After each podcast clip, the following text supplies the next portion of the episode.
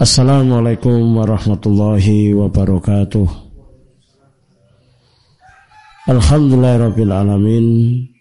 Nahmadu wa nasta'inuhu wa nastaghfiruh wa na'udzu min shururi anfusina wa min sayyiati a'malina. May yahdihillahu wa may yudlilhu fala ilaha illallah wa asyhadu anna la nabiyya ba'da. Allahumma salli ala Muhammad wa ala alihi wa wa ba'd. Ayo hadirun jamaah yang dirahmati Allah. Alhamdulillah Alhamdulillah di binikmatihi tatimu salihat kita masih senantiasa bersyukur dengan kesyukuran yang sempurna kepada Allah Subhanahu wa taala. Pagi hari ini Sawal keberapa? ke-6.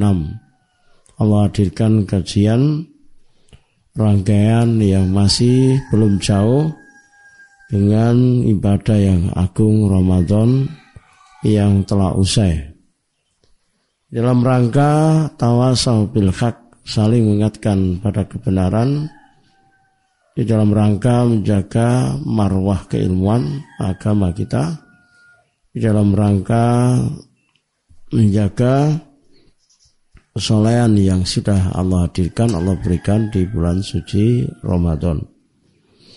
Tidak ada yang lebih menyelamatkan menjaganya, melindunginya, mempertahankannya kecuali dengan ilmu setelah ketaatan. Karena itu kita panjatkan rasa syukur kita kepada Allah Subhanahu wa taala karena kita bisa hadir lagi dalam kajian pagi hari Selasa. Ya, meskipun kajian ini mungkin tidak berurutan, kajian ini uh, selonggarnya kajian yang Allah hadirkan yang Allah mudahkan. Bapak Ibu saudara yang dirahmati Allah senantiasa kita panjatkan rasa syukur di antara sebabnya adalah karena dengan hadirnya kajian Allah hadirkan majelis malaikat yang malaikat kita harapkan banyak sekali bantuannya untuk kita. Doa-doa yang mustajab lahir ketika salah satunya apa yang kita harapkan, apa yang kita panjatkan bersamaan dengan pengaminan malaikat, bersamaan dengan hadirnya malaikat yang mendoakan. Dan hadirnya majelis taklim ini tidak lain untuk hal itu yang itu kita syukuri. Sehingga Bapak Ibu saudara yang dirahmati Allah ini adalah satu takdir yang apa baik yang harus kita kenali, yang harus kita syukuri. Ya dengan kesyukuran itu maka mudah-mudahan seterusnya Allah akan mudahkan kita untuk mengadakan kajian. Allah mudahkan kita untuk hadir dalam kajian. Dan Bapak Ibu saudara yang dirahmati Allah, semoga kajian kita ini diridhoi Allah Subhanahu wa taala. Diberkahi, dibimbing, dijauhkan dari sikap mengandalkan diri sendiri dan kekeliruan-kekeliruan yang lainnya.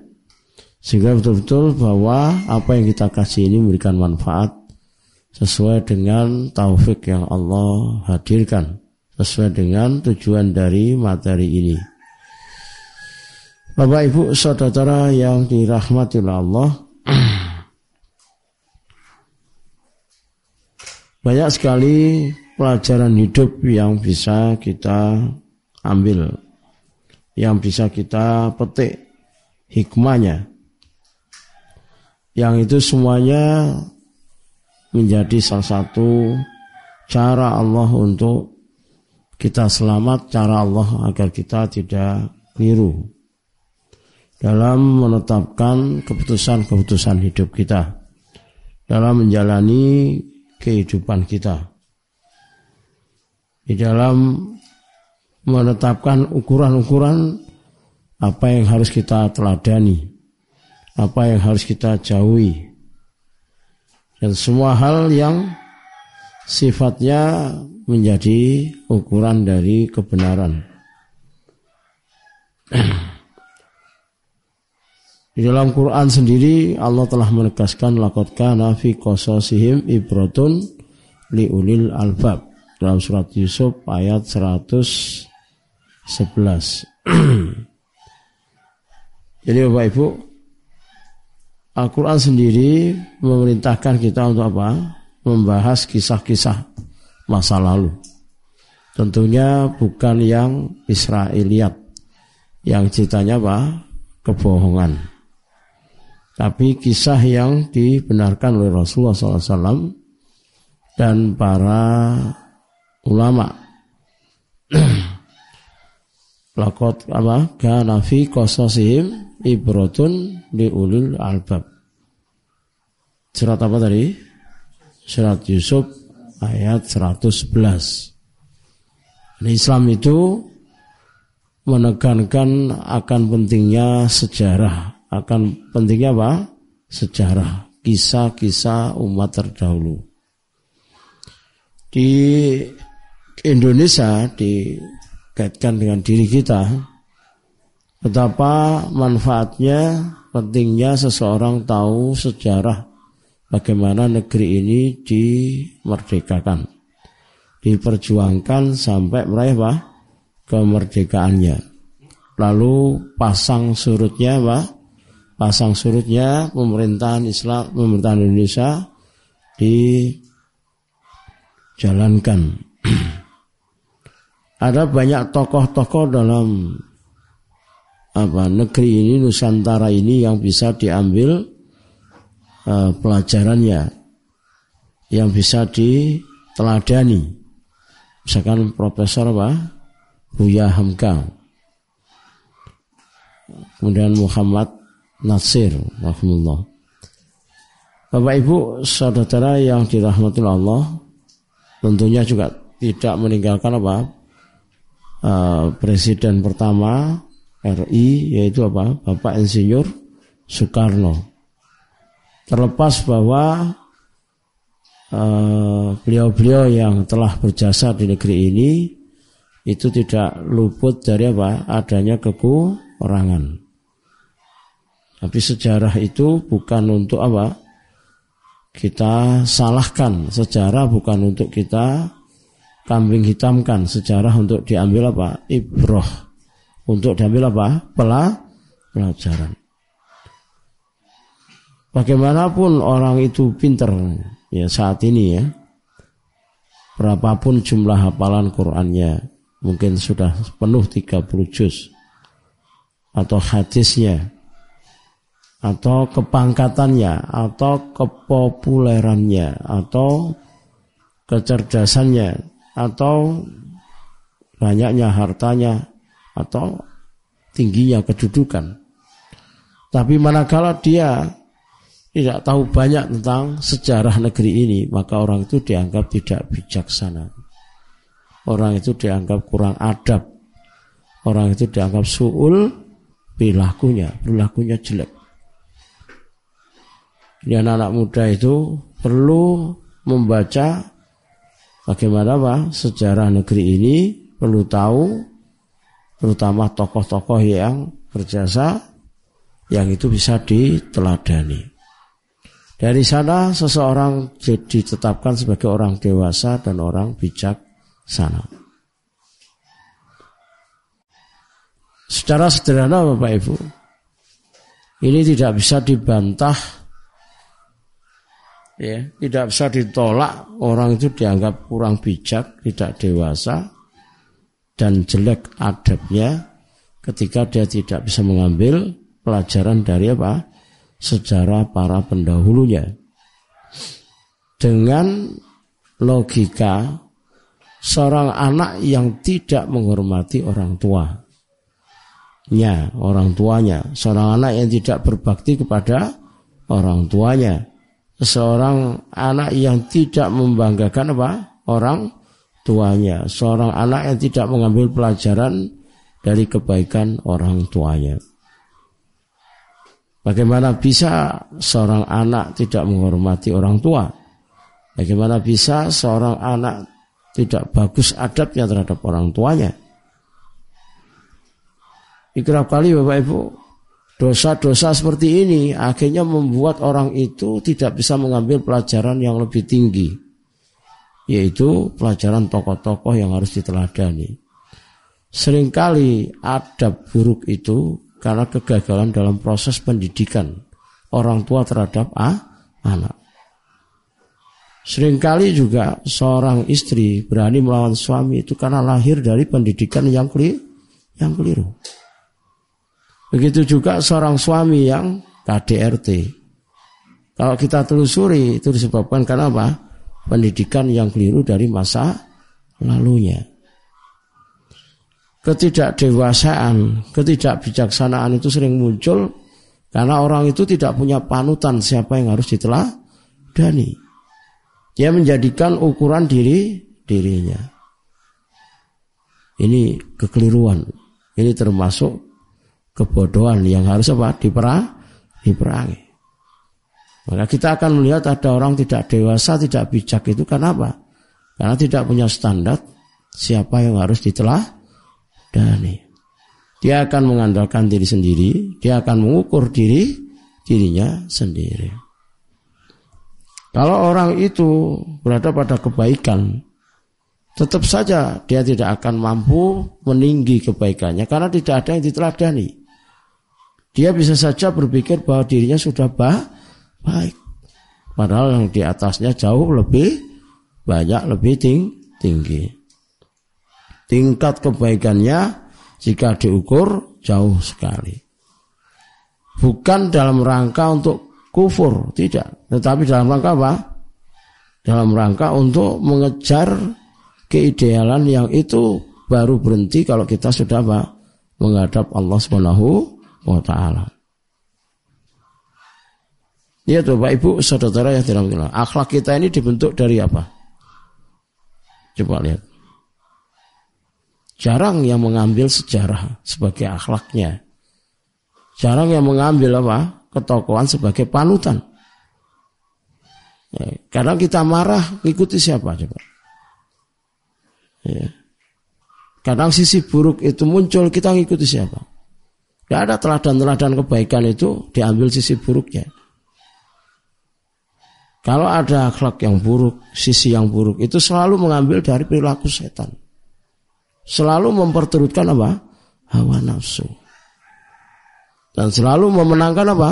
Setannya daripada Allah Subhanahu wa taala. Kenapa bisa seperti itu? Coba, kenapa bisa seperti itu? Bisa saja karena pendidikan masa lalunya yang ia belum tercerahkan. Jadi bisa dari sana. Bisa jadi karena apa? Fa'amaluhu mathulun. Bahwa amalnya itu tersu supi. Sudah beribadah sekian lama, tapi juga tidak berubah perilaku akhlaknya.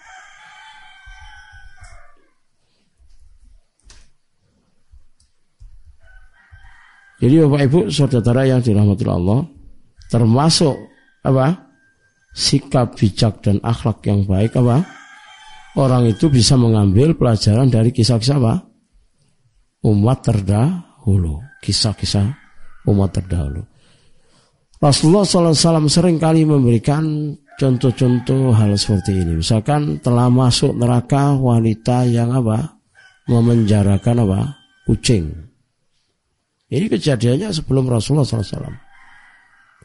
Masuk apa? Neraka. Seseorang karena apa? memenjarakan kucing tidak diberi makan. Hanya kucing satu saja. Itu bisa menyebabkan orang itu masuk nerakanya Allah Subhanahu wa taala. Lalu ada seorang pelacur pezina masuk surga karena memberi minum seekor anjing. Ini kan menggambarkan bahwa ada keburukan yang harus dijauhi, ada kebaikan yang harus digalak, galakkan. betapa pentingnya Islam itu rahmatan lil alamin. Jadi desain Islam itu tidak peka apa tidak apa mati rasa dengan sekeliling sekelilingnya. Tidak mungkin ada orang Islam soleh lalu dia membiarkan banyak makhluk ter apa misalkan tersakiti biarkan makhluk dalam kondisi kelaparan apa desain kebaikan orang itu kalau nilai solehnya hanya sebatas diri dirinya coba bayangkan seperti itu kalau di sini ada yang melihara kucing eh, itu bisa saja sebuah kebaikan sementara ada yang membenciku kucing karena ada sahabat di, di, di, di, di? Abu Hurairah. Itu karena apa? Karena apa? Karena keaktifannya memelihara ku, kucing. Ini dua kubu ini tidak perlu berseteru. Yang satu ini tidak ada sunnahnya. Ada asar sahabatnya. Tapi kucing BAB di sana sini, kencing di sana sini. Siapa yang mau seperti itu? Paham ya? Bukan seenaknya, bukan ngawur. Artinya bahwa ya ada hak orang lain. Ada suasana yang dia harus apa? Perhati, perhatikan. Maka dia harus menjaga kebersihannya. Ya, dan seterusnya dan seterusnya. Lalu yang satunya juga tidak apa? Bersikuku ngotot bahwa antiku kucing. Lalu semua kucing ditendangi, diracun misalkan begitu. Nah untuk bilamin Malik. Bisa saja apa? Kena ancaman apa? Masuk nerakanya Allah Subhanahu wa taala. Karena tidak suka kucingnya apa? Tidak diracun. Wong di penjara saja bisa apa? Mati. Ya, walaupun ada juga kucing yang memang harus dibu, dibunuh, misalkan kucing hitam, karena itu bagian dari saya setan. Jadi ada ilmunya, tidak ngawur yang suka kucing ya tahu bagaimana apa, apa memeliharanya tidak berarti di sana sini orang itu makan sama kucingnya ya rasanya gimana orang lain hidangannya dimakan ku kucing oh, jangan dimatikan jangan diganggu oh, itu hmm, tidak bisa itu kekacauan nyolan perilah perilaku Bapak Ibu yang harus dijadikan pelajaran bahwa mereka itu adalah umam. Mereka adalah apa? Kaum. Kaum yang Allah hadirkan mewakili jenis-jenis binatang. Satu saat Rasulullah SAW ingin sekali mendudukkan anjing-anjing Kalau tidak khawatir Rasulullah disuruh apa? Dikhawatirkan membunuh satu kaum, maka Rasulullah merintahkan anjing itu agar dibu, dibunuh. Maka Rasulullah merintahkan khusus yang hitam saja untuk dibunuh. Tapi Rasulullah SAW mengatakan bahwa itu satu kaum. Ya. Maka yang diperintahkan apa? Khusus anjing hitam. Karena itu bagian dari saya, setan. Apalagi misalkan kita bahas kucing. Kucing itu binatang yang tahu budi, balas budi. Dia akan tahu langkah siapa yang merawatnya, siapa yang peduli dengan dirinya. Dan dia tahu siapa yang benci dengan dirinya itu dia tahu. Dia akan lari dengan langkah itu. Dia akan lari dengan langkah itu. Maka di sini dibutuhkan sikap bijaksana de, dewasa. Kalau kita punya lokasi sendiri misalkan, silakan kucing itu mau dirawat sedemikian rupa, mau tidur sama kucing, mau makan sama kucing, mau mandi sama kucing, mau olahraga sama kucing, mau diskusi sama kucing, ya kan terserah, tidak ada masalah. Tapi karena kita berinteraksi sama orang lain. Maka di sini kita punya apa? Atu, aturan. Burung dara saja kalau nyebrang ke rumah orang, lalu memanggil makanannya, bisa ditangkap, disembelih, dimakan.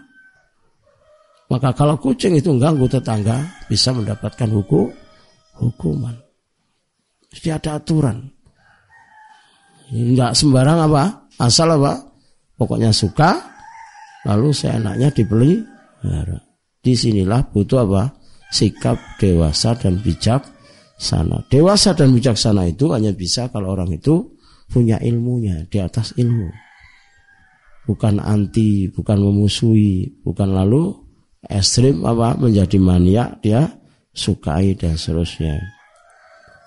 Lalu ada juga seseorang membunuh 99 lalu bertanya pada sosok yang dianggap apa? Kiai, ahli ibadah, tapi ilmunya kurang. Lalu menyatakan bahwa dosanya tidak terampuni, maka dikenalkan menjadi 100. Bapak Ibu ini ibroh, pelajaran. Betapa ilmu itu sangat dibutuhkan. Terus untuk dipelajari.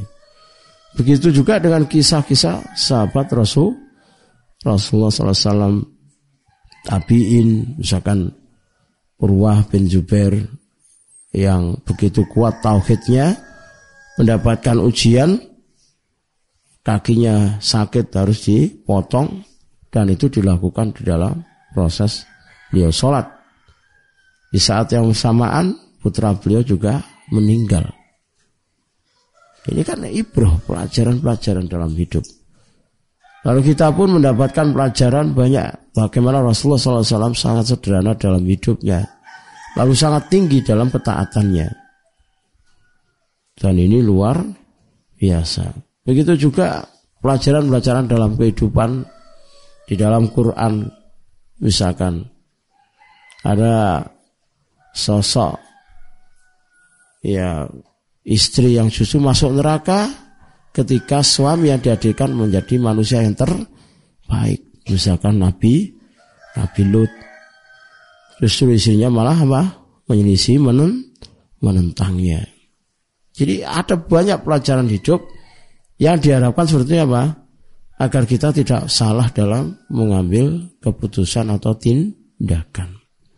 Supaya kita punya ukuran, supaya kita punya apa sosok yang disandari, yang dijadikan sebagai panutan. Dan yang terbaik adalah Rasul Rasulullah Sallallahu Alaihi Wasallam. Dan masih banyak lagi Bapak Ibu kisah-kisah yang bisa diambil pelajaran. Artinya kalau Rasul kalau Allah Subhanahu wa taala lakot kana fi qasasim alba berarti kita kuncinya apa? Harus sering membaca, banyak membaca, banyak tahu. Karena praktek dari Quran itu ada di dia apa? Kisah sah, sahabat Rasul Rasulullah SAW. Tidak mungkin jadi kan bisa menguasai Quran tanpa memahami sirah Rasulullah SAW dan para sahabatnya. Jadi bukan ngawur seenaknya Bukan asal yang penting saya sholat, yang penting saya sudah ibadah. Tidak tahu tindakannya itu apa? Bisa merusak ibadahnya, ketaatannya dengan dosa-dosa yang ia lakukan misalkan. Ya. Jadi ini penting sekali, Bapak Ibu. Penting sekali untuk supaya orang itu berhati-hati dengan tindakannya, dengan perbuatannya, terutama di sawal yang ke-6. Jangan kemudian berpuas diri dengan kesolehan, Lalu di sana sini kita lakukan apa? Pencabutan apa? Kesalahan itu sendiri. Jadi satu persatu benang yang ditenun kesolehannya, ketaatannya, ilmunya dicabuti. Lalu lama-lama Pak, di sana sini kita jatuh pada kesal, kesalahan dan do, dosa. Barseso. Sekarang judulnya apa? Barseso. Jadi cerita yang masyhur, kisah yang masyhur. Diriwayatkan banyak dalam kitab. Diriwayatkan juga oleh sebagian dari sahabat Rasulullah Sallallahu Alaihi Wasallam. Barseso, apa? Barseso. Seorang ahli ibadah dalam riwayat disebutkan sampai 70 tahun ketaatannya. Tapi ujungnya masuk neraka karena kebodohannya. Jadi saya, saya Bapak Ibu paling memerangi ada ahli, bod, ahli ibadah yang bodoh itu saya memerangi. Saya tidak suka dan saya tidak setuju orang hanya taat lalu tidak ngaji, tidak ngaji, tidak ngaji. Lalu ketaatannya di atas kebo, kebodohan. Lalu kalau diingatkan dia menyelisih, menentangnya. Diberitahu dia menyelisih, menentangnya. Karena dia apa? Menganggap dirinya sudah tak taat. Jadi dia apa? mentaati Allah di atas kebo kebodohan. Sangat ditentang oleh Islam. Islam tidak mengendaki tidak apa? membentuk perilaku umatnya hanya sekedar taat tapi tidak beril berilmu. Nanti bisa seperti apa? Seperti kaum Nasra, Nasrani. Atau kaum Yahudi kalau ilmunya banyak tapi tidak diamalkan. Atau yang penting ibadah tapi tidak di atas ilmu. Seperti kaum Nasrani. Islam itu di antara dua agama besar. Di antara Yahudi dan Nasrani. Beribadah di atas il, ilmu. Yang paling penting bagi orang yang sholat malam adalah terus menuntut ilmunya. Paling penting orang yang biasa puasa adalah terus menuntut ilmunya. Jadi ilmu itu sangat dibutuhkan, sangat penting. Karena itu Allah melalui lisan Rasulullah SAW menjelaskan apa? Mayuritillahu bi khairan yufakihu fitin. Dan ini sering saya sampaikan seberapa besar Allah mengendaki baik kita itu terukur seberapa besar kita itu senang menuntut ilmu. Nah, ini penting sekali. Kalau menginginkan kebaikan yang besar, arahkan hati itu untuk cinta dengan il, ilmu. Arahkan pikiran untuk suka menuntut ilmu. Bukan apa? Yang penting saya puas. Bukan yang penting saya sudah kaya. Bukan yang penting saya sudah tercukupi. Saya pernah berpesan kepada mahasiswa diplom. Musibah penuntut ilmu adalah merasa cukup dengan ilmunya lalu memutus dari sumber ilmu. Itu kebinasaan awal orang yang berpuas diri dengan ilmunya lalu dia memutuskan apa? Dari sumber ilmu. Maka kesalahannya jauh lebih besar kalau merukyah dibandingkan kebenarannya. Dia hanya berjalan dengan kengeyelannya saja.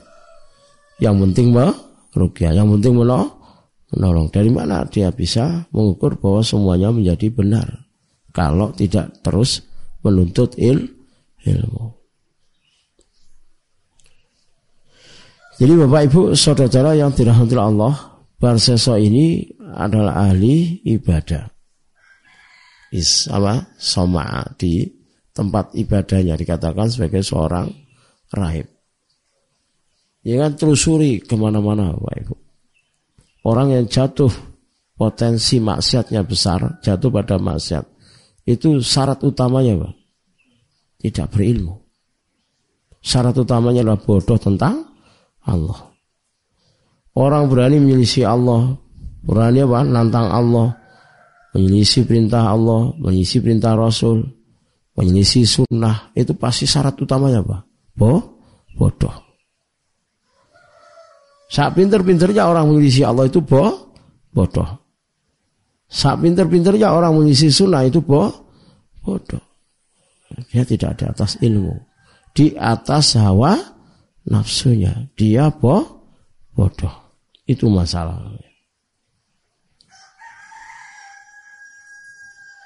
Coba sekarang kita pikirkan. Ambil contoh sekarang. Orang tidak sholat malam. Berulang-ulang. Bodoh atau pinter? Bodohnya di mana? Dia tidak tahu apa yang utama dalam hidupnya. Ketika Allah turun, ketika di saat Allah mempertanyakan apa yang diminta, apa yang apa dimohon untuk dijabai, yang diminta untuk diberi, tapi kita justru malah di bodoh apa pinter itu? Boh, bodoh. Sekarang saya tanya, orang yang menurun ketaatannya disawal setelah dia diangkat sedemikian rupa oleh Allah, dengan ketaatannya di bulan suci Ramadan, dia di atas ilmu atau di atas kebodohan? Ya bodoh. Bodohnya di mana? Lihat ini. Bodohnya karena dia menyangka bahwa Allah itu yang paling utama diibadahi di bulan Ramadan saja. Padahal Allah yang diibadahi di luar Ramadan di bulan Syawal adalah Allah yang sama yang diibadahi di saat dia berada di bulan Ramadan. Lebih-lebih di saat Ramadan ya di lebih-lebih di saat di luar Ramadan dia harus membutuhkan Allah lebih luar biasa karena apa? Karena iblis setan sudah dilepas. Banyak keutamaan dicabut oleh Allah seiring dengan berakhirnya Roma, Ramadan. Mau memilih orang yang mentaati Allah seperti apa kalau seperti ini? Seperti taat ibadah tapi bodoh atau di atas keilmuan. Di atas keilmuan. Dan itu tidak mungkin kalau jenengan tidak kaji. Apalagi tidak punya pengalaman nyantri, pondok, ya tidak punya kemampuan membaca literaturnya. Terus dari mana jenengan bisa mengumpulkan ilmu kalau tidak ikut kaji kajian? Mau membaca sendiri gurunya setan. Tapi kan aneh ya. Kadang yang seperti ini tidak muncul secara besar keinginan untuk apa? Menuntut il, ilmu. Tapi kita mencukupkan dengan apa? Standar ibadah yang itu kecenderungannya banyak tidak tahu tentang hak Allah Subhanahu wa taala. Bapak Ibu saudara yang dirahmati Allah, sedemikian penting barseso ini saya angkat.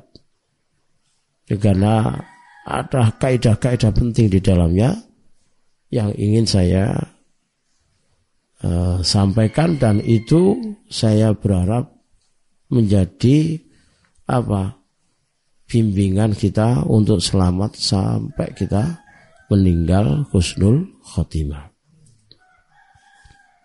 Wah tidak ada dosa, tidak ada maksiat kecuali ada peran setan. Dan tidak ada dosa dan maksiat yang tiba-tiba begitu saja. Tapi pasti ada pro proses. Karena itu ini yang harus kita perhatikan. Orang itu jahat karena prosesnya dari apa step by step perlahan untuk kemudian menjadi jahat. Orang itu kasar, orang itu keras, orang itu suul adab. Itu dari pro, proses demi proses dari tahapan demi tahapan.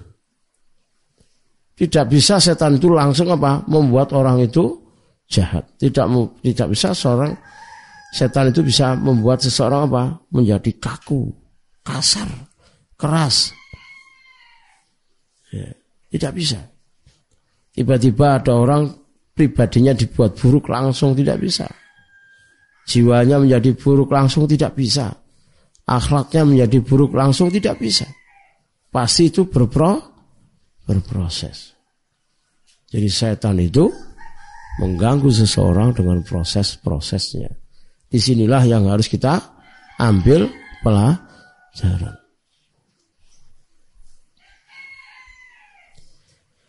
Dalam surat Al-Hasr ayat 16-17. Ini riwayat-riwayat menjelaskan ketika turun ini diikuti dengan penjelasan kejadian apa? Kisah Barse Baseso. Kama sali saitonin itqala li insani ukfur falamma kafara qala inni bariun minka inni akhafullaha rabbal alamin fakana akibatahuma annahuma finnar khalidaini fiha wa dzalika zalimin. Perhatikan ayat ini ya. Kama salis setan, seperti setan, perilaku setan, tipu daya setan. Perhatikan, Allah sudah membuka wanti-wanti. Apa? Itqala lil insan. Pada saat dia apa? Memprovokasi seseorang. Kafir. Kafirlah. Ya, tapi masa langsung setan ngomong kafir? Enggak. Ini ada pro proses yang pan panjang. Misalkan ada orang itu membenci Allah, membenci Rasul, membenci Islam. Ya. Allah tidak adil. Allah kejam, Allah tidak ada, macam-macam. Akibat dari apa? Akibat dari kebodohannya merespon musibah, ujian kehidupan. Hanya karena tidak sesuai dengan apa yang diharapkan, dia kecewa, dia sedih terus sampai akhirnya dia menyerang Allah. Jadi setan itu berhasil mengganggu sedemikian rupa dengan proses yang pan, panjang. Tapi di ayat disederhanakan. Seperti setan ketika dia berhasil membuat orang itu ku, kufur. Padahal kufur itu ada pro, proses. Ada ndak artis yang pindah agama murtad? Banyak. Kenapa kok bisa begitu? Ada proses setan itu berhasil melincirkan, menggang, mengganggu. Jadi kalau kita melihat ada kebiasaan buruk, ada perilaku buruk dari akhlak buruk, itu proses yang setan itu apa? Mendidiknya, berhasil memperdayanya, sehingga muncullah sifat-sifat karakter keburukan. Ya, sekarang anak melawan orang tua. Bisa tidak langsung? Bisa tidak langsung? Tidak bisa. Tapi sekian didolimi orang tuanya, disalahkan, dibully, digoblok-goblok no. Ya kan gitu. Dijundul, dijewet, dikeplak, dikurung. Terus anak jadi apa? Lama-lama dia akan dihinggapi se setannya. Pateni ya orang tuanya itu bisa gitu. Buruk apa baik kayak gini? Berproses atau langsung? proses. Maka perilaku buruk itu terbentuk karena proses yang lama. Ada prosesnya. Supaya jangan tahu bagaimana terbentuknya sisi-sisi buruk seseorang. Atau kalau itu di dalam diri, dia harus melawan. Karena Allah. Dia harus menyelisih karena Allah. Dia harus terdoktrin apa? Saya dapat Lailatul Qadar. Saya dapat Ramadan ibadah saya diterima, dosa saya diampuni, doa-doa saya dijabai. Karena itu dia harus berubah. maka faro setelah orang itu diproses sedemikian rupa jadi kafir, apa kata setan? Kata setan, ini bariun minka. Aku berlepas diri dari kamu. Setelah orang itu digoda sedemikian rupa jatuh pada zina, Waktu atau pacaran sampai zina berulang-ulang kontak ganti naudzubillah ini bariun. Aku nggak ada kaitan. Kurang ajar benda ini. Harus tarung sama setan itu. Bukan berteman dengan setan. Bukan sisi buruk malah diteruskan naudzubillah jangan malesnya diteruskan jangan apa egoisnya diteruskan. Sisi-sisi buruk itu jangan diteruskan. Ya. ya itu karena perbuatan setan. Ini bari'u minka. Aku melepas diri darimu. Ini akhafullah. Lu setan aja takut sama Allah. Rabbal alamin. Takut. Lihat ayat itu. Allah ditakuti sama setan itu. Maka rukyah itu akan mudah kalau orang itu punya tauhid yang bah, yang bagus. Dia bisa akan sampaikan tauhid hak Allah kepada setan itu. Saya sering dulu melawan setan-setan yang merasa besar, merasa kuat, merasa sakti. Saya bilang, saya kuat-kuatnya kamu. Kamu tidak bisa mengalahkan apa? Nenek moyangmu iblis. Iblis itu tahu siapa yang menciptakan dirinya. Siapa? Allah. Tidak mungkin kamu bodoh tentang Allah. Saya bilang, kalau iblis saja tahu diri, dia takut kepada Allah hanya karena tertutup hatinya dalam kesesatan kekufurannya. Dia diizinkan untuk usianya panjang, nanti sampai apa? Kiamat baru dimatikan. Kalau kamu tahu kisah nenek moyangmu akan masuk neraka, orang kan harus berpikir setan itu. Caca berpikir. Tapi dasar saya Setan diajak berpikir ya tidak akan tercerdaskan. Ngomongnya sudah ditutup hatinya oleh Allah. Tapi kan berlatih mendakwai setan kan boleh-boleh saja, sah-sah saja. Wong kita itu tahunya dia setan itu di akhir setelah dia menentang kebe kebenaran. Jadi Bapak Ibu bahkan iblis setan itu tahu siapa zat yang paling dita takuti. Ya, kalau ratu kidul itu setan, harusnya takut sama siapa itu?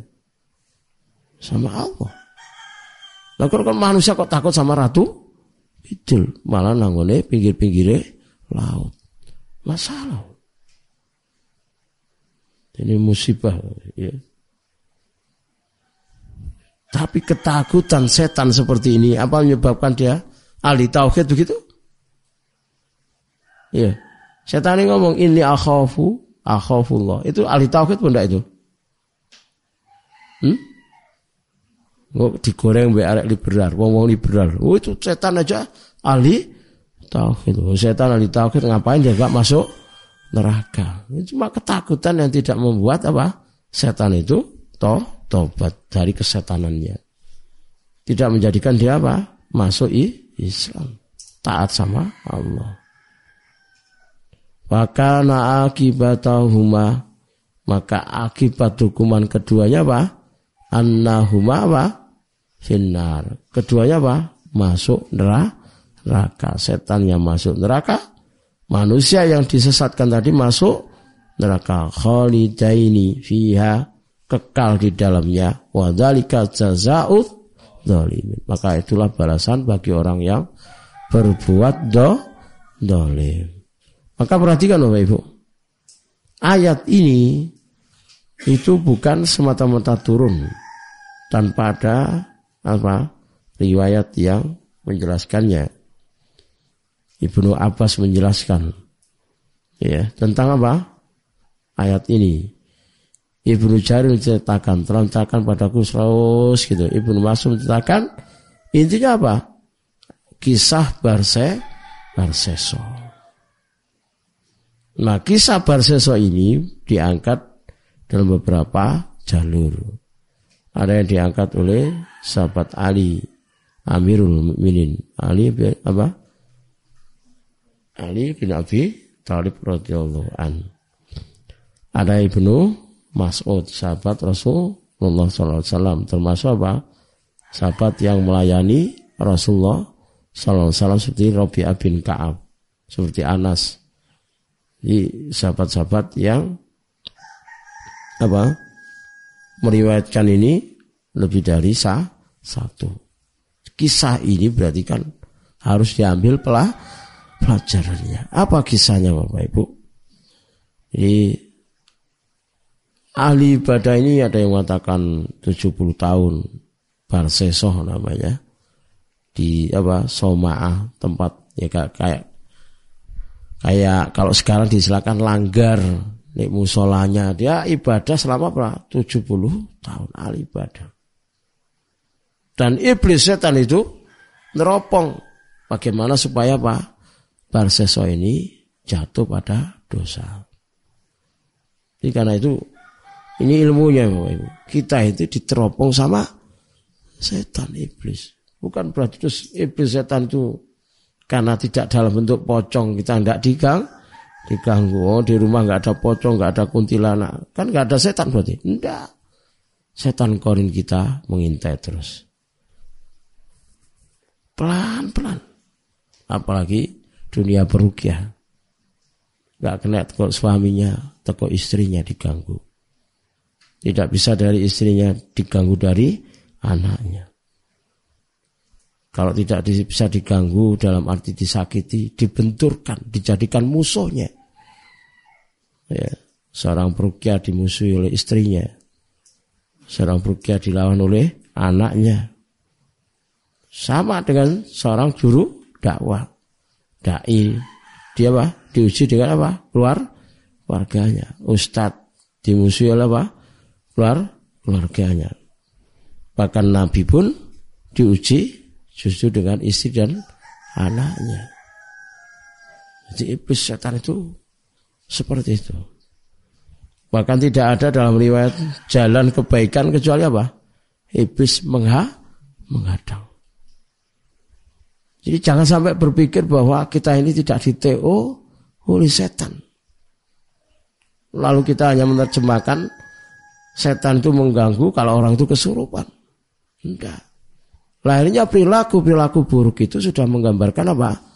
kita itu sudah disusupi oleh se setan. Hmm.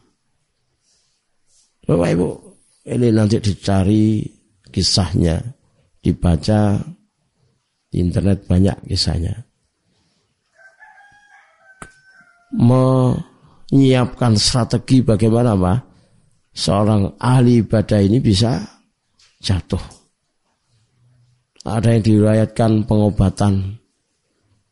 Jadi satu saat apa? Iblis setan ini mendatangi Barseso. Lalu dia apa? Nandingi ketaatannya. Misalkan Barseso tidak turun dari samanya seminggu, dia malah 20 hari.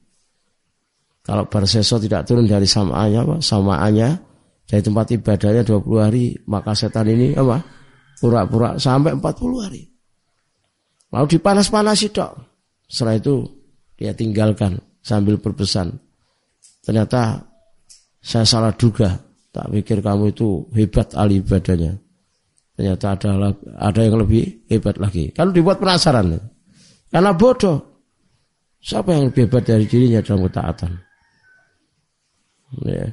Singkatnya, ya hanya ingin apa? Berpesan mengajarkan doa untuk bisa ngobati seseorang.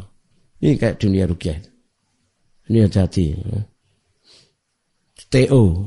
Diajarilah cara berdoa yang bisa membuat orang sembuh. Maka satu saat dia ciptakan pasiennya itu. Dicekiknya seorang perempuan. Paham? Atau yang lainnya diganggu. Lalu diberitahukan. Ya, dia setannya sendiri, dia. Pelakunya dia sendiri. Ya, Mungkin anak buahnya yang disuruh dan seterusnya. Lalu ditunjukkan di situ loh ada orang yang bisa ngobati, datang situ sembuh. Di situ loh klinik RSCM datanglah sembuh. Ya begitu, pelan-pelan. Tapi habis itu dijebaklah Barse, Barseso. Sing diganggu yang cantik. Punya empat soda, saudara. Tidak bisa diobati, diarahkan ke bar, seso. Maka ditinggallah di situ. Dengan pertimbangan apa? Orangnya apa? So, soleh al ibadah. Maka di sanalah apa? Apa? Setan berhasil menggoda secara bertahap, berproses sampai akhirnya jatuh di zina. Sama, zina di mana-mana itu nggak bisa kayak ayam. Tiba-tiba langsung ngejar babon. Dikawini ndak ada. Saya aja kalau ada begitu tak kablu PT kurang ajar. Kan? Ya kan betul. Kan harus ada aturan. Apa mana sih lancuran harus kawin? Oh kurung wayahe sih nom nom kok kawin. Rusak nanti turunannya gitu tidak ada Bapak Ibu orang zina tiba-tiba begitu saja tidak ada. Tidak ada. Pasti didahului dengan pacaran. Pacaran itu nggak mungkin terjadi kecuali didahului dengan apa? Umbar panda, pandangan. Matanya melihat. Tapi mata melihat ngawur ini, jelalatan itu tidak bisa dilakukan oleh seorang kecuali di atas kebodohan dulu tentang Allah. Kelemahannya tentang tauhid. Kelemahannya tentang syariat. Sehingga dia perturutkan hawa nafsunya. Jadi zina itu prosesnya pan, panjang. Tapi kalau orang sudah masuk di situ, belum tentu dia mudah keluar. Dia akan terus terjebak dengan fakisa. Perbuatan keji ini, zina ini. Mengerikan. Awalnya hanya sekedar membantu, menolong. Dalam riwayat itu asalnya cuma ingin apa? Supaya dia terhibur tidak terganggu. Ngasih makan dari luar disuruh mendekat. Lama-lama disapa lah, jangan sampai nggak disapa. Ya disapa, masa cuma menyapa toh. Lama-lama diajak dialog, kabarnya gimana. Lama-lama dekat, lama-lama dekat, dekat, dekat akhirnya jatuh pada zina. Naudzubillah min. Dan ini berbahaya sekali. Ulama banyak yang menjelaskan tentang apa? Bagaimana ketatnya aturan pengobatan. Bapak Ibu, Saya selalu memperhatikan hal-hal seperti ini. Jangan sampai seorang perukiah nutup pintu, padahal di sana hanya cuma dia sama apa? Seorang wanita. Saya Usaimin melarang, para ulama melarang, bahkan berobat kalau apa ada dokter lain yang laki, yang perempuan, dia anjurkan apa? Untuk sese, sejenis. Tidak tidak cross. Kalaupun terpaksa pintunya harus dibuka. Ini ilmu. Ilmu. Yang setan bisa saja ganggu nanti yang lain tidak, tidak ditutup aja. Enggak tahu subatnya kayak apa yang terjadi. Apalagi memandang berlebihan dan seterusnya. Sementara dia masih punya penyakit ha? hati. Akhirnya kena. Itu bahayanya di situ. Dan ini masa masalah. Karena itu Islam apa? Melarang lawan jenis berdu berdua-duaan. Berhalwat berdua-duaan. Ya, sekarang bisa saja itu dilakukan dia apa? Di WhatsApp, di telepon, via telepon. Memang nggak hadir secara fisik, tapi hatinya sudah condong berdu berdua-duaan. Ini bahaya. Jadi kalau misalkan ini terjadi ya berarti orang itu belum layak untuk apa? Menjadi seorang perukia. Berarti dia sebaiknya apa? Resign mengundurkan diri. Karena bahayanya lebih besar dibandingkan masalah maslahatnya. Ya. Dan itu sudah sering saya antisipasi dengan sebelum apa dia belajar kita anjurkan apa untuk membersihkan diri, kita anjurkan untuk memperbanyak puasa, bahkan puasanya Daud dan seterusnya dan seterusnya. Apalagi di luar itu. Maka Bapak Ibu kita sering mendengar ada kiai cabul, ada ustadz cabul, ada gus cabul, tokoh cabul. Ngeri dah ini. Mengerikan ada pencabulan di sana sini. Ada pejabat selingkuh, zina, wah sudah. Itu sudah masyhur ceritanya pak. Ja jamak. Dari pusat ke daerah. Mintanya apa ayam kampus. La la la la naudzubillah min dzalik ngeri Bapak ada petinggi perguruan tinggi. Kalau mengadakan penelitian nanti mampirnya ke spa Astagfirullahaladzim. Naudzubillah dzalik.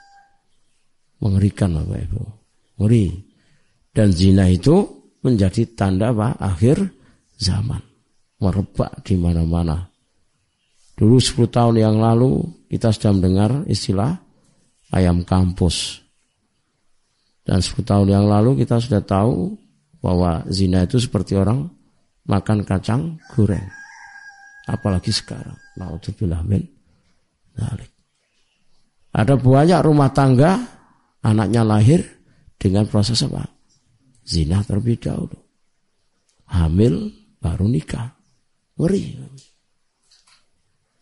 Ini, kalau orang tidak mentaati Allah, tidak nutut ilmu, maka dia akan apa? Ya akan pasti apa? Ya banyak jatuhnya, terpincirnya kalau hanya sekedar mengandalkan ketaatan. Apalagi tidak taat kepada Allah. Sedangkan Bapak Ibu rumah tangga itu kalau diproses dengan zina saja itu urusannya panjang kali lebar. Tidak bisa rumah tangga itu tenang tentram kecuali tobatnya itu betul-betul. Kalau tidak setan di rahim perempuannya, istrinya terus akan mengganggu. Lalu kenangan set apa? Zinanya yang ada di pasangan itu terus akan muncul. Maka orang itu berada pada apa? Dosa itu terus-menerus. Ngeri. Dan naudzubillah min nalik. Gitu ya. Ini yang masih muda-muda ini hati-hati betul hidupnya. Karena tidak ada apa? Jaminan untuk apa? Selah, selamatnya ada. Ya, merasa nyaman, merasa tenang tanpa apa? Mendekatkan diri kepada Allah Subhanahu wa taala. Apalagi laki-laki ya, secara keseluruhan kelemahannya ada pada apa? Fitnah perempu, perempuan. Ini ya Pak Ibu. Singkatnya Bapak Ibu, ketika sudah hamil, setan ini ya, hamil. Ada yang karena mabuk dulu, lalu jatuh pada zina. Ditawari membunuh tidak mau, ditawari zina tidak mau. Ya, dosa mabuk diambil. Begitu mabuk, semuanya dilakukan. Ada yang dari riwayat apa? Pengobatan, proses. Tadi itu mendekati, menghibur, lama-lama apa? Ka, katut dosa zina. Begitu hamil, ditakut-takuti. Nanti gimana saudaranya yang empat itu kalau tahu adiknya dihamil. Akhirnya digugurkan. Digugurkan lah bagaimana ibunya? Akhirnya dibunuh sekaligus. Aman toh? Aman toh? Perhatikan selanjutnya ini. Setan memimpikan kejadian kejahatan atau dosa. Teori ini itu dipakai oleh dunia intelijen. Bahwa sejahatnya penjahat itu pasti meninggalkan jejak. Nah jejaknya bisa dicari secara ilmiah. Kalau tidak ilmiah dicari cara apa dengan cara goib datang ke dukun. Karena dukun itu wali ini setan jahat. Pembunuhan itu bisa dijangkau oleh dukun. Sopo sing mateni ketok. Korupsi ketok. Dosa-dosa itu masih dalam kendali do, dukun. Ini menurut informasi. Kalau fakta, kalau data di lapangan, maka Intel bisa saja datang ke orang pinter. Nah kok nombah iki sopo kira-kira? Iki wong ini, sing muncul no sapa itu? Setan, setan yang dari mana? dari yang tadinya membuat keja kejahatan. Misalkan ada orang membunuh. Yang membuat dia membunuh siapa? Setan. Dia sendiri setan dalam bentuk manusia. Nah, antar setan ini ngerjai. Paham? Dukun diberitahu siapa yang dimimpikan. Sama dengan kejadian ini.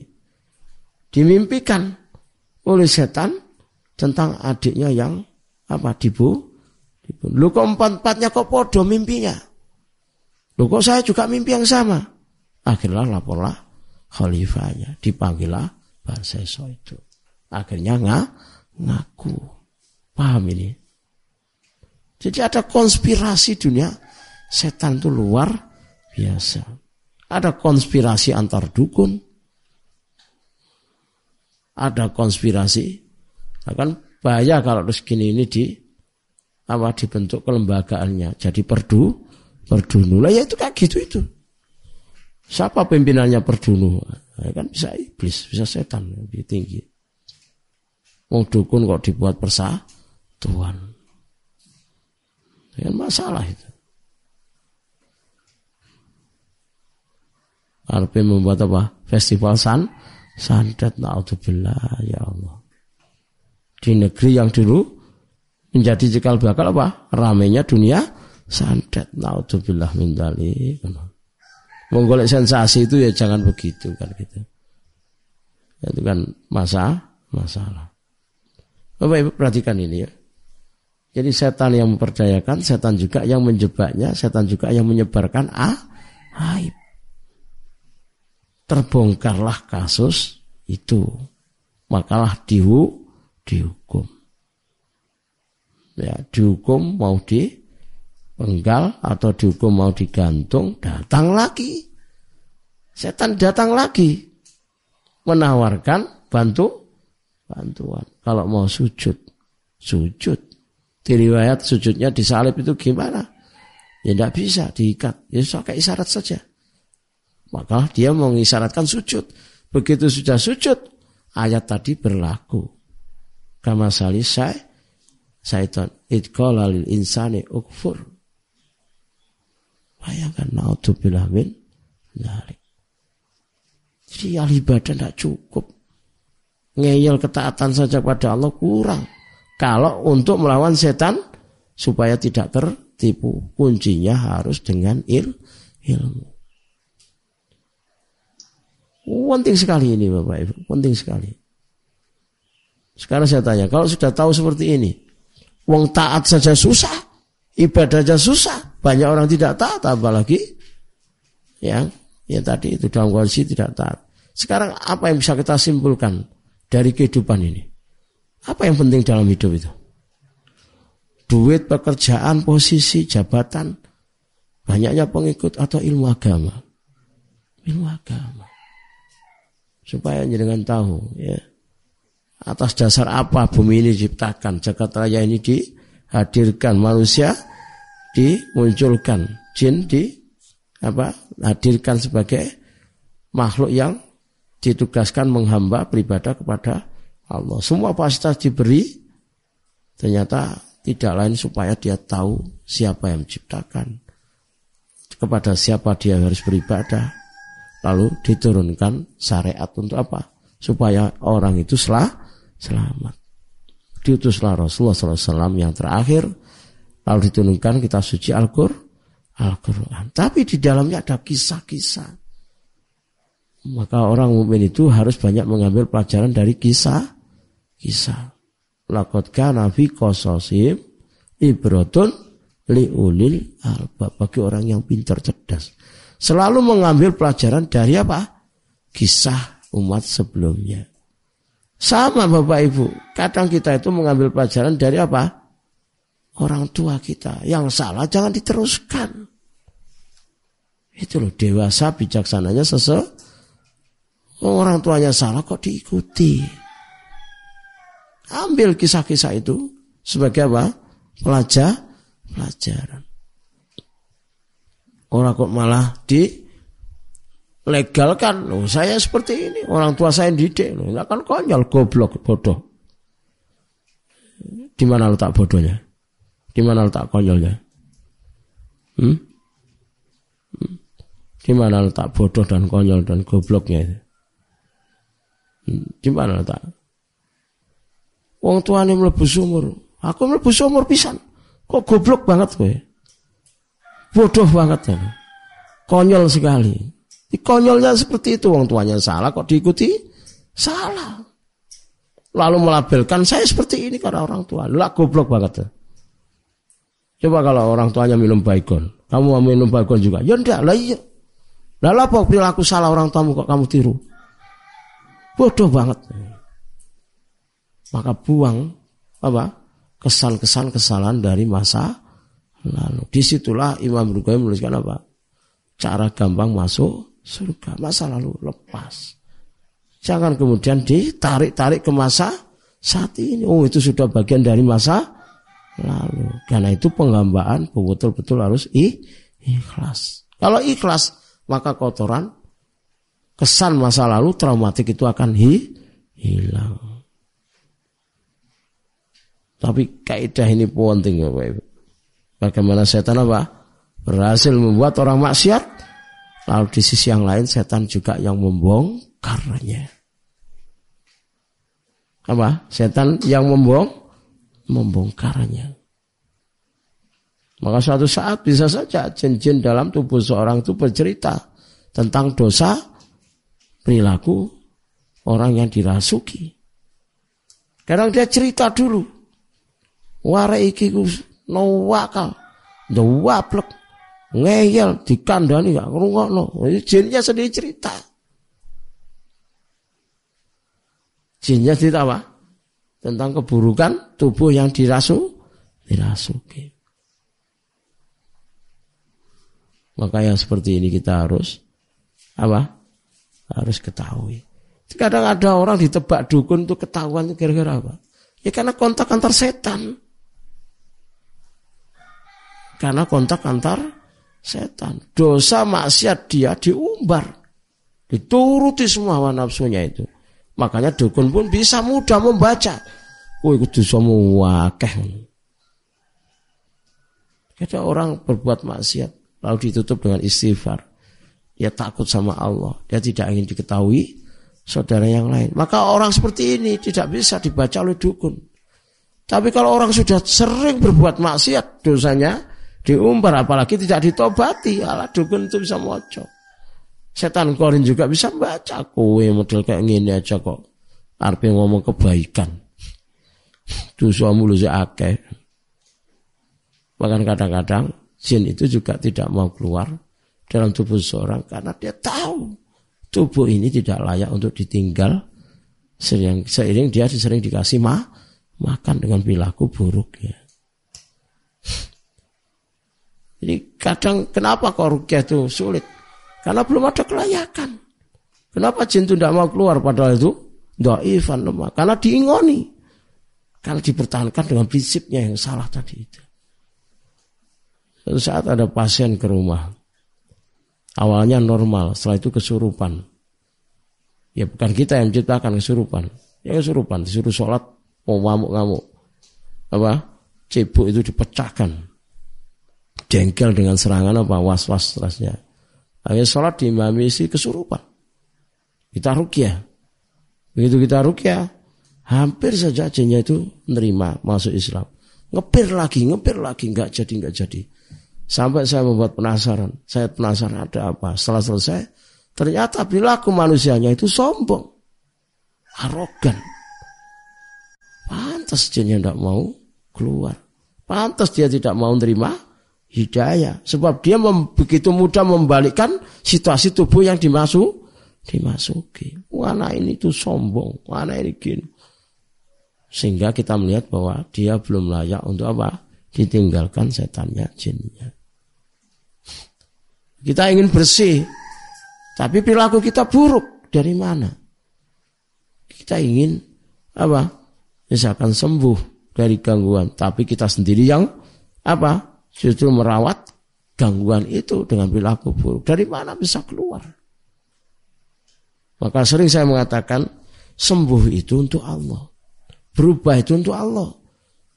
Menjadi baik itu untuk Allah, jangan untuk makhluk. Berulang-ulang saya menyampaikan berubah menjadi baik itu untuk Allah. Memiliki sifatun nafsi al-aliyah itu untuk Allah, bukan untuk makhluk. Untuk makhluk itu percuma, stres kita kecewa nanti. Berlebihan apa? Menyandarkan diri ke makhluk itu pasti kecewa. Ya. Kalau kita banyak meneladani sahabat dan Rasulullah SAW, kita tidak akan pernah kecewa.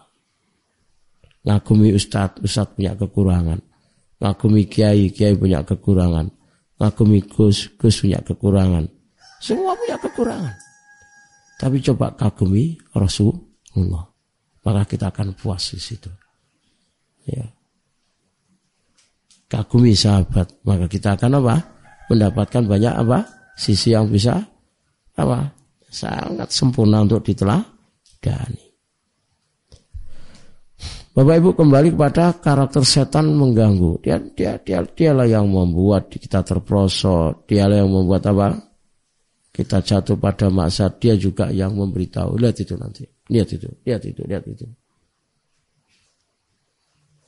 Hati-hati terutama kalau di, di rumah tangga itu ada sihir misalkan ya. Kadang dosa pasangan itu diungkap oleh setan untuk diadu dombakan. Ditutuno itu loh bojomu sing ngungkap lo siapa? Setannya. Ya. Hati-hati konangan mana Warah ngamuk. Padahal yang membuat konangan siapa? Setannya. Yang membuat terjerumus siapa? Setannya. Perselingkuhan misalkan. Didowel, no, ditutupi ternyata ketahuan di HP-nya. Sing bongkar siapa? Setan. Sing membuat dia terjerumus pada perselingkuhan apa? Setan. Perhatikan ini. Dia duduk mbak. Habis itu cerai, cerai, cerai, cerai. Setan juga yang keplok, keplok. Naudzubillah min dalik. Maka saya bilang di WA ini penting sekali. Kan gak semua orang paham tentang ilmu ini. Suami istri diadu terus. Koyok-koyok suami ini yang benar. Yang satu isinya yang benar. Dua-duanya merasa benar. Padahal dua-duanya sah, salah. Seperti anak ke kecil.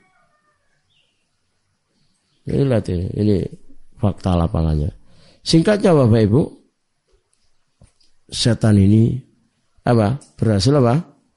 Menggelincirkan Barseso tadi itu. Kafir di kalimat terakhir, akhirnya tetap dihukum. Akhirnya apa? Masuk neraka. kama salis syaitan itqala lil insani kufur sebagaimana setan yang berhasil apa? Memprovokasi set manusia untuk mengatakan ku kufur. Setelah kufur, ini bari um mingka aku gak hubungannya mbak kurang ajar benda itu. Pol. Jadi setan itu cuma menghasung, tugasnya cuma memprovokasi.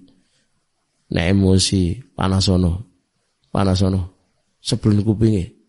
Ayo, ping kuping sapa sing wani demek kuping. Wah yo. Wanas padha nang akhire gelut. Sing manas-manas iki sapa? Setan. Sing buat kamu sapa? Setan. Perhatikan kayak seperti itu.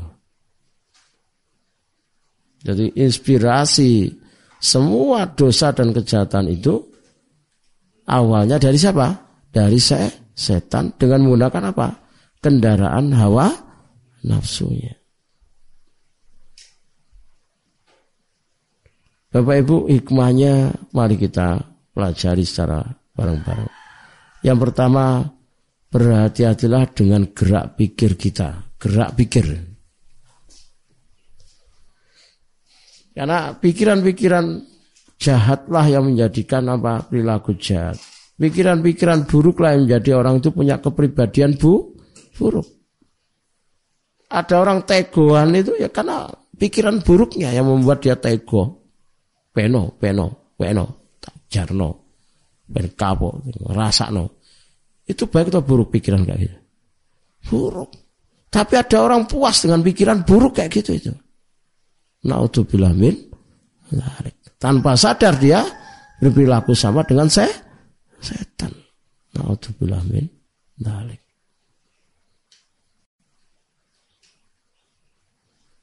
Jika itu menyelisih Allah, pastikan itu dari saya, setan.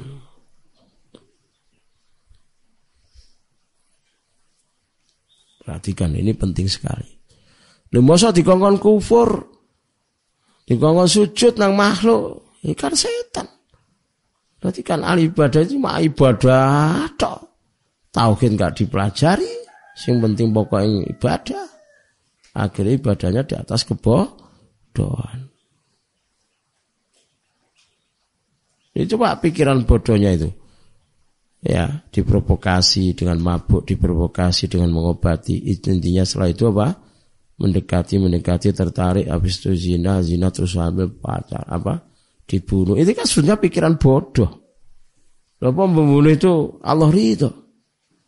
Tapi pikiran setan. Kalut. Maka perhatikan kalau gerak pikir kita itu sudah menyelisih al, pastikan itu sudah dari se setan. Nah, ini penting.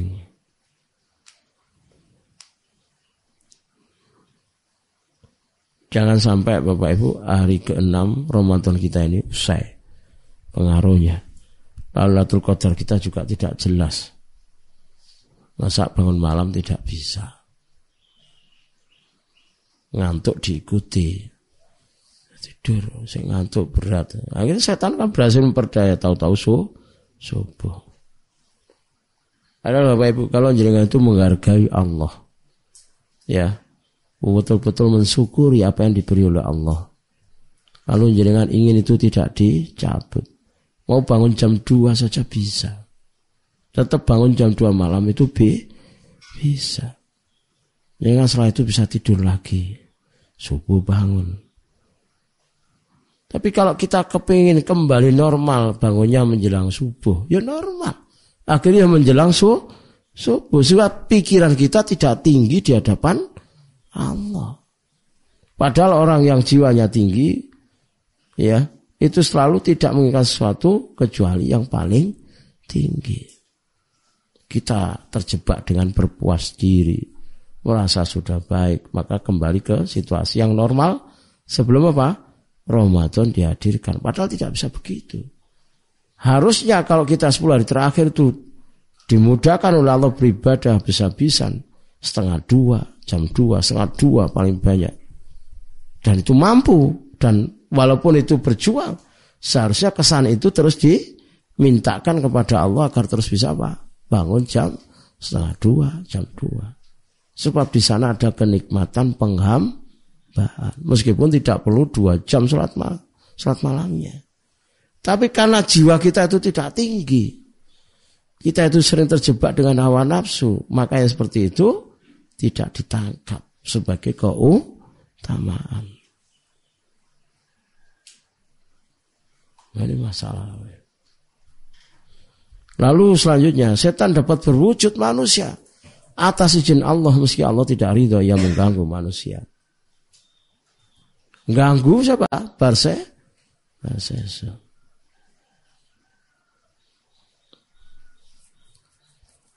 Karena dia datang berulang-ulang. Ikut sholat di rahibnya. Dia apa? Somaannya. Ikut ibadah di dalamnya. Kan wujud. Sebagaimana dulu siapa? Surokoh. Ya, toko yang apa? Iblis datang ke orang kafir Quraisy untuk melawan apa? Rasulullah dalam perang ba Badar. Itu tampilannya seperti manusia. Ikut rapat. Pakai jubah hitam. Tak mungkin jubah putih. Wong apa? Mewakili apa? Aura kegelapan. Dunia gelap iblis. Wah, tidak ada yang hari ini pasukan bisa mengalahkan kalian. Kalian pasti menang di mana-mana. Itu iblis itu ngomong kayak gitu. Bisa enggak sekarang setan ini, iblis ini datang dalam bentuk hal yang sama di tengah-tengah apa konspirasi kejahatan. Bisa enggak? Bisa. Sangat bi bisa. Maka seperti ini menjadi pengetahuan penting Misalkan kita duduk bareng. Kalau wong ngomongin nyengolai, provokatif wae. Didi didi hancurkan. Didi didi tabir. Tidak berarti itu tidak setan. Sebab setan mengatakan ini akhafullah. Aku takut sama Allah. Bagi ini penting sekali Bapak Ibu. Ya. Bagaimana mungkin wanita berhijab sama anaknya meledakkan diri itu setan pun itu. Sim provokasi. Di atas kebodohan. Ajaran agama mana yang bisa membenarkan itu? Paham ya?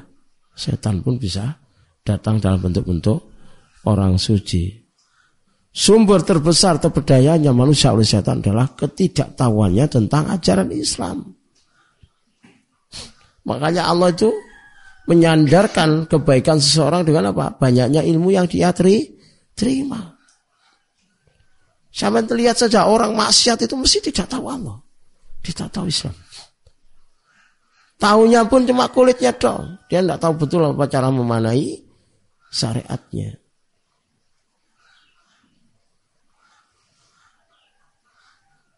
Dari sumber apa? Terbesar setan itu bisa memperdaya orang karena minimnya il, ilmu.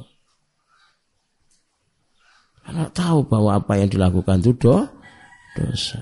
Apa yang dilakukan itu sah, salah. Maka dari sini betapa pentingnya menuntut ilmu syar'i itu. Di sela-sela kita bekerja, di sela-sela kita apa? Mencari rezekinya Allah Subhanahu wa taala. Selanjutnya keempat, Semata-mata hanya mencukupkan diri dengan banyak ketaatan belum cukup menjamin keselamatan seseorang dari tipu daya setan kecuali ia terus mau belajar syariatnya. Semata-mata itu tidak cukup. Tidak, tidak, tidak cukup. Masih kurang. Kurang, kurang. Masih kurang. Kadang-kadang saya sudah bisa melihat orang itu dari situ. Iki ibadah to iki taat to iki gak ngaji itu ada sudah ini karakter-karakter yang gampang ditipu, ditipu diperdaya atas nama kesolehan. Dalam mengganggu manusia setan tidak bisa langsung menjelaskan kecuali ia lakukan tipu dayanya dengan cara apa? Bertah bertahap step by by step.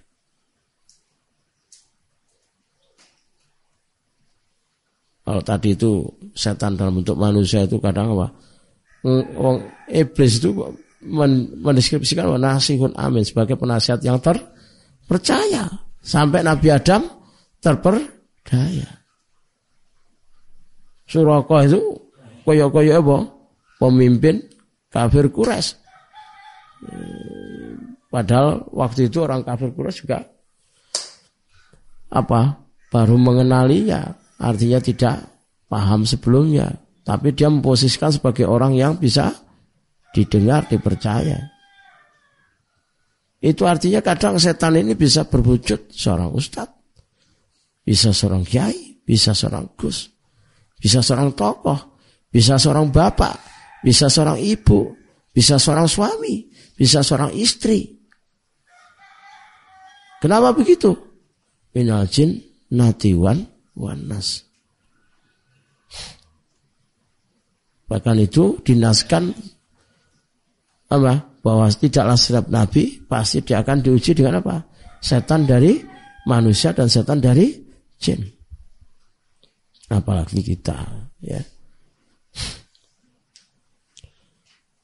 Kadang di ayat dibiasakan istri-istrimu, anak-anakmu menjadi fitnah. Ya, karena menyelisih Allah. Ini bahayanya di situ. Kalau orang tidak di atas il, ilmu. Maka ilmu itulah yang membuat apa? Ukuran Allah mengendaki kebaikan besar dalam diri seseorang atau ti, tidaknya. Maka beruntunglah bagialah orang yang di jalur il, ilmu. Ya, jangan jangan mencari yang lain. Itu sudah sebuah nikmat yang luar biasa. Yang keenam Bapak Ibu, dalam faktanya setiap dosa besar tidak bisa meninggalkan dosa berbohong. Dari mana kaidah ini diambil? Dari mana? Ayo. Dari kisah Barseso. Saat keluarganya datang, saudaranya datang, gimana adik saya? Wah, diceritakan macam-macam. Dia sakit, dia sekarang sudah meninggal, saya kuburkan. Bohong apa enggak? Bohong. Pasti ada kebohongan. Mutlak hukumnya, dosa besar itu beriringan dengan bohong. Maka saya buat kaidah dosa berbohong itu wajib menyertai dosa-dosa besar seperti zina dan yang lainnya. Suami yang selingkuh pasti bohong. Pasti nutup-nutupi. Mahasiswa yang zina, mahasiswa yang pacaran pasti bohong. Izin keluar dari rumahnya pasti bohong. Dari mana asalnya pasti berbohong. Apa ini yang sudah dilakukan pasti berbohong ya, dosanya pasti dikemas dengan kebohongan. Naudzubillah min. Ini kalau perukia tidak tahu ilmunya, yang dirukia cuma jenis dosanya, padahal kebohongan itu ada pada dirinya. Terkadang Bapak Ibu, seorang terhalang tobat dan sembuh karena perilaku tidak jujur itu. Diobati, dirukia, masih terus saja setannya tidak mau keluar. Karena ada dosa yang belum ia taubati. Karena dosa kebohongannya yang belum ia taubati. Ini saya tegaskan. Ini penting. Kenapa saya bilang di saya kejar dengan yang penting. Yang penting supaya jangan tahu bagaimana orang itu jatuh pada dosa dan maksi maksiat. Dan dari sini step by step proses rukyah itu bisa berjalan dengan baik. Ya, apalagi manusia tambah semakin sarjana, semakin pinter, dia semakin pinter apa? Mengemas kebohongannya. Wah, tambah jago. Apalagi kalau dia profilnya seperti kita, gesturnya. Wis berani nggak baju takwa. Apalagi juga ini apa? memelihara apa? Lihya, jenggot. Nah orang kan tertipu dengan penampi, penampilan, tapi ternyata pembohong. Astagfirullahaladzim. Ada bahkan yang sudah berhijab. Ya Allah, na'udzubillah min dalik. Zina dilakukan, na'udzubillah min. Semua na'udzubillah min dalik. Mengerikan Bapak Ibu. Zaman dengan penuh fitnah ini mengerikan sekali. Naudzubillah min Dalam melancarkan aksi tipu-tipunya, sering kali setan tampil dengan profil apa? Orang baik, tokoh suci, datang kawek berserban, pakai jubah, ngakunya wali, ngakunya syekh, Abdul Qadir Jai Rahani. Ngakunya siapa? Nabi Khidir. Apa mana? Wali so, songo. Sunan Kali Jogo. Prabu Sili Wangi. La ilaha illallah. Nasihatnya baik. Akhirnya akidahnya rusak. Karena itu orang itu harus berhati-hati, harus belajar ilmu agama agar ia selamat bisa membeda, membedakan. Halus sekali. Ada orang terpedaya, orang terpeleset akidahnya. Islam itu kan tidak mengajarkan kesaktian. Wong kanjeng Nabi saja lu luka. Umar yang ditakuti rotolan apa oleh setan saja terbunuh. Tapi ada pleset setan orang kebal bah bacok itu nyuntuh sopo. Ajarannya so sopo. Itu masalah. Ternyata yang membuat apa kebal-kebal ya se, setan ya jin. Wah, oh, tidak terhitung kita merugi orang yang sudah pernah ke kebal. Kan kemarin di Ramadan ada yang sudah bisa apa? Gelantongan nangone neon. Senom. Sudah bisa apa? Gelantongan nang ne neon. Ya ini apa sih dibanggakan? Yang ngakui kalau itu juga jin. Lalu hadir di rumah dakwah dan melakukan proses pembersihan. Lalu jinnya bilang, saya, saya Islam Pak Ustaz, saya Islam, tobat Pak Ustaz, saya Islam. Insya Allah. Ini yang aki, akidah. Beda lagi yang tipenya hawa, nafsu, zina, zina, zina, zina. Makanya artis itu kalau kita temukan apa dosanya nanti? Numpuk. Wis zina wis biasa, eh tertangkapnya karena narkoba. Wis mabuk wis biasa. Biasa narkoba sampai akhirnya jah jatuh tertang, tertangkap. Nah kalau naudzubillah min ono sing digrebek karena prostitusi online itu bukan pertama kali itu udah itu sudah zinanya budak nggak terhitung maka ujungnya menjadi kebiasaan. Aku, aku akhirnya tegur. Sing bongkar sapa setan. Nah ilah berhati-hatilah memilih tempat apa? Curhat. Mengambil ilmu agama atau bela, belajar.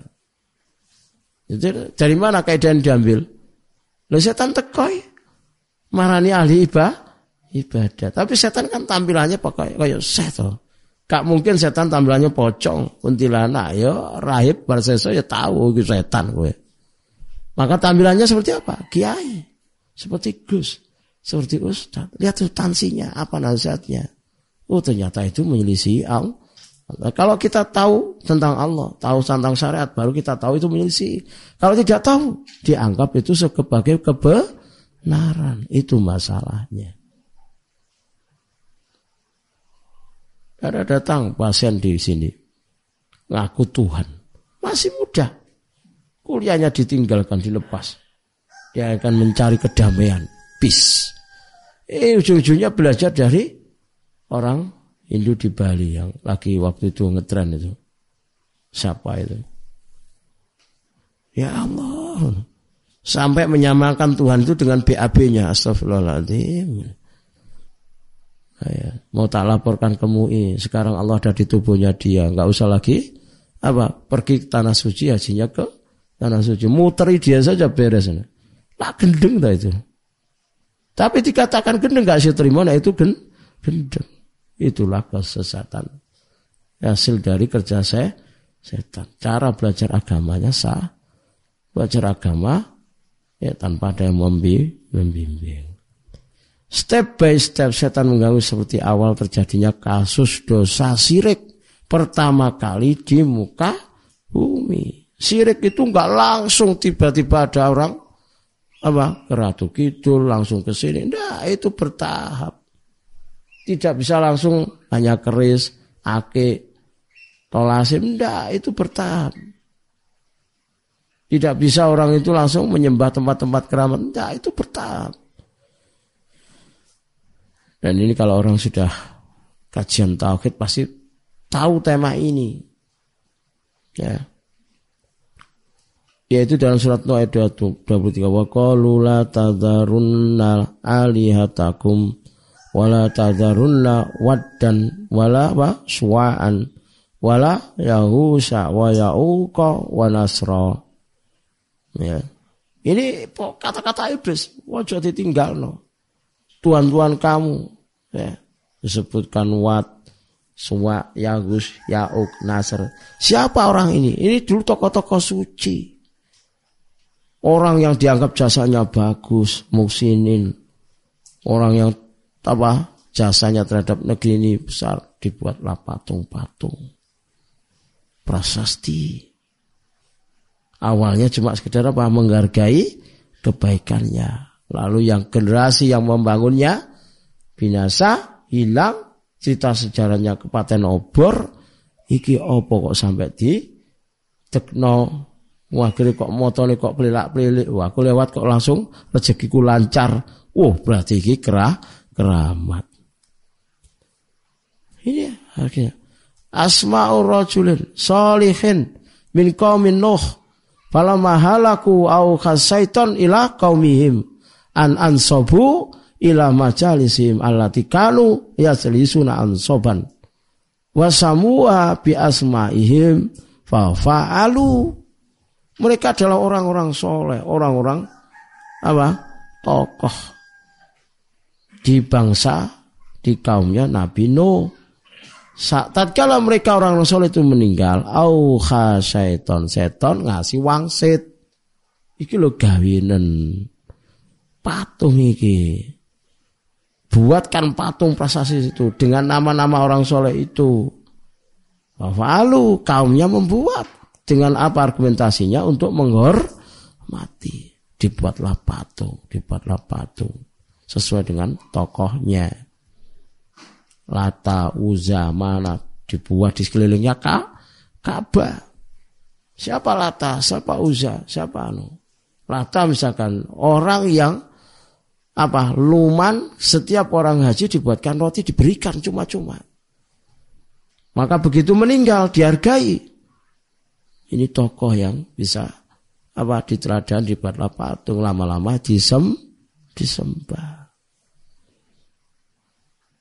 Falam tubat dia tidak disembah. Falam tubat. Falu awalnya belum. Hatta idha halaka ulaik sampai generasi yang membuat yang punya tahu sejarah mati semuanya fantaba fatan sahu ilmu ilma ilmu itu hilang ubidat maka disembahlah patung-patung itu. Jadi apa? Step by step. Orang ke dukun tidak mungkin langsung ke dukun. Awalnya apa? Dia terdesak, kepepet, bingung, boleh cara. Mungkin diomongi nggak langsung percaya. Lama-lama karena terpaksa, akhirnya dia datang. Sekali dia datang, belum cukup. Dua kali, tiga kali, akhirnya ahli perdukunan. Perhatikan ini. Bapak Ibu ini penting sekali, ilmu yang penting sekali. Tidak mungkin Bapak Ibu kita langsung meninggalkan ketaatan. Betul tidak? Tidak mungkin kita tidak langsung jadi jahat, jadi jelek, dosa maksiat dilakukan setelah Ramadan. Tidak, satu-satu. Dicabut satu-satu, ditinggalkan keutamaan. Satu-satu. Kemarin jangan diteruskan. Jangan diteruskan. Jangan dicabuti, hati-hatilah hidup itu. Jangan bermain-main dengan Allah Subhanahu wa taala. Hal-hal yang muncul secara berproses, misalkan apa?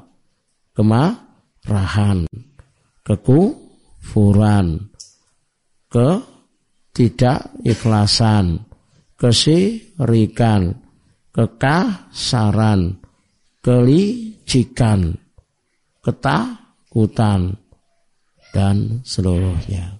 Semua perilaku buruk itu awalnya adalah proses. Step by step dari nol, dari pelan-pelan, dari lahadot, dari khotorot, dari sekitar lintasan terbetik di hati, lalu ada keinginan, lalu ada kehendak, jatuhlah pada dosa, jadilah pada karakternya menjadi kebiasaan. Maka ini harus dicermati. Dan khusus Bapak Ibu supaya tidak jatuh pada dosa zina. Rasulullah SAW mengajarkan Allahumma ini A'udzu bika min syarri sam'i wa min syarri basari wa min syarri lisani wa min syarri qalbi wa min syarri maniyi. Sperma itu harus disalurkan pada tempatnya. Jadi lagi-lagi apa? Il ilmu. Meskipun ilmu saja juga tidak cukup. Wajib dong nggak diamal, itu kok ilmu itu bermanfaat. Ilmu yang dimaksud adalah ilmu yang na nafi. Tanpa ada kenafian, tanpa ada kemanfaatan, ilmu itu hanya sekedar kognitif, maklumat, bahkan bisa menyesatkan, bahkan bisa menimbulkan sub subhat. Wallahu alam bisawab. Ya. Ini doanya bisa dicari di internet ada semua. Semoga kita dijaga oleh Allah ya senantiasa dijauhkan dari apa tipu daya setan dengan berbagai macam bentuknya. Dan Bapak Ibu silakan rujuk tema kajian menang melawan setan dan hawa nafsu. Apa yang harus kita hadirkan keilmuannya agar kita tidak terpedaya seperti Barseso. Dan ingat, semata-mata taat ibadah belum cukup menjamin kita selamat, apalagi tidak taat. Maka ketaatan itu harus selalu dikalahkan ilmu. Bagaimana hukumnya membatalkan puasa kodo karena ada tamu? Ya kalau puasa wajib tidak boleh Bapak Ibu. Kalau puasa sunnah boleh sewaktu waktu-waktu. Tidak bisa puasa wajib kodo wajib loh ya. Misalkan bagi perempuan yang haid puasa lalu dibatalkan karena ada tamu, tidak bisa. Batalnya puasa wajib itu harus udur syar'i. Dan itu belum tentu dianggap udur syar'i. Sakitkah begitu. Masa puasa Ramadan ada tamu, masa batalkan saja. Lalu masa Ramadan puasa wajib dibatalkan karena ada tamu. Ini masalah. Wallahu alam jika sudah terlanjur ada kesalahan dalam proses mendidik anak sehingga anak memiliki karakter yang tidak ada secara syar'i, misal tidak mau berjilbab padahal sudah balik enggan melakukan sholat, tidak baik terhadap orang tua, sulit diajak taklim. Dari mana harus memperbaiki? Apa yang harus dilakukan? Dari mana harus mulai? Dari orang tuanya dulu. Dari orang tua itu harus tobatan nasuha karena di atas dosa-dosanya anaknya Allah hadirkan. Kan gitu. Berarti ini kan kegagalan waktu mendidik di masa kecil kecilnya. Kenapa kok salah? Kenapa kok tidak benar, tidak islami? Di situ orang tua terkoreksi. Jadi kalau kita ingin merubah anak yang salah, anak kita yang nakal karena kesalahan kita saat di masa kecilnya sebelum balik salah dalam mendidik, membiarkan dan sebagainya, maka yang harus didahulukan adalah taubatan nasuka orang tuanya terlebih dahulu. Mohon sama Allah agar ujian itu dicabut. Dan mengakuilah sebagai orang tua yang salah. Nah, Abi dulu salah. Nah, Umi itu salah. Ya, Abi biarkan kamu, Abi biarkan kamu, Umi biarkan kamu sampai enggak berjilbab sini. Itu dosa saya. Jangan dibilang, nah itu dosa. Kamu nggak berjilbab dosa, padahal yang mendidik untuk dosa siapa? Orang tua, orang tua berlepas diri, nggak bisa begitu. Setannya akan langsung nyatut, lah siapa sih didik aku? Sampai sih didik aku? Paham? Sama semua kalau kita ingin anak kita berubah, mulai dari diri dulu. Kita ingin anak berubah, tapi kita tidak berubah. Ngaco. Tidak ada kaidah kayak gitu. Allah hadir, hadirkan. Baik Bapak Ibu, wallahu alam bisawab wallahu musta'an. Subhanakallah wa bihamdika asyhadu an la ilaha anta astaghfiruka wa atubu ilaik. Assalamualaikum warahmatullahi wabarakatuh.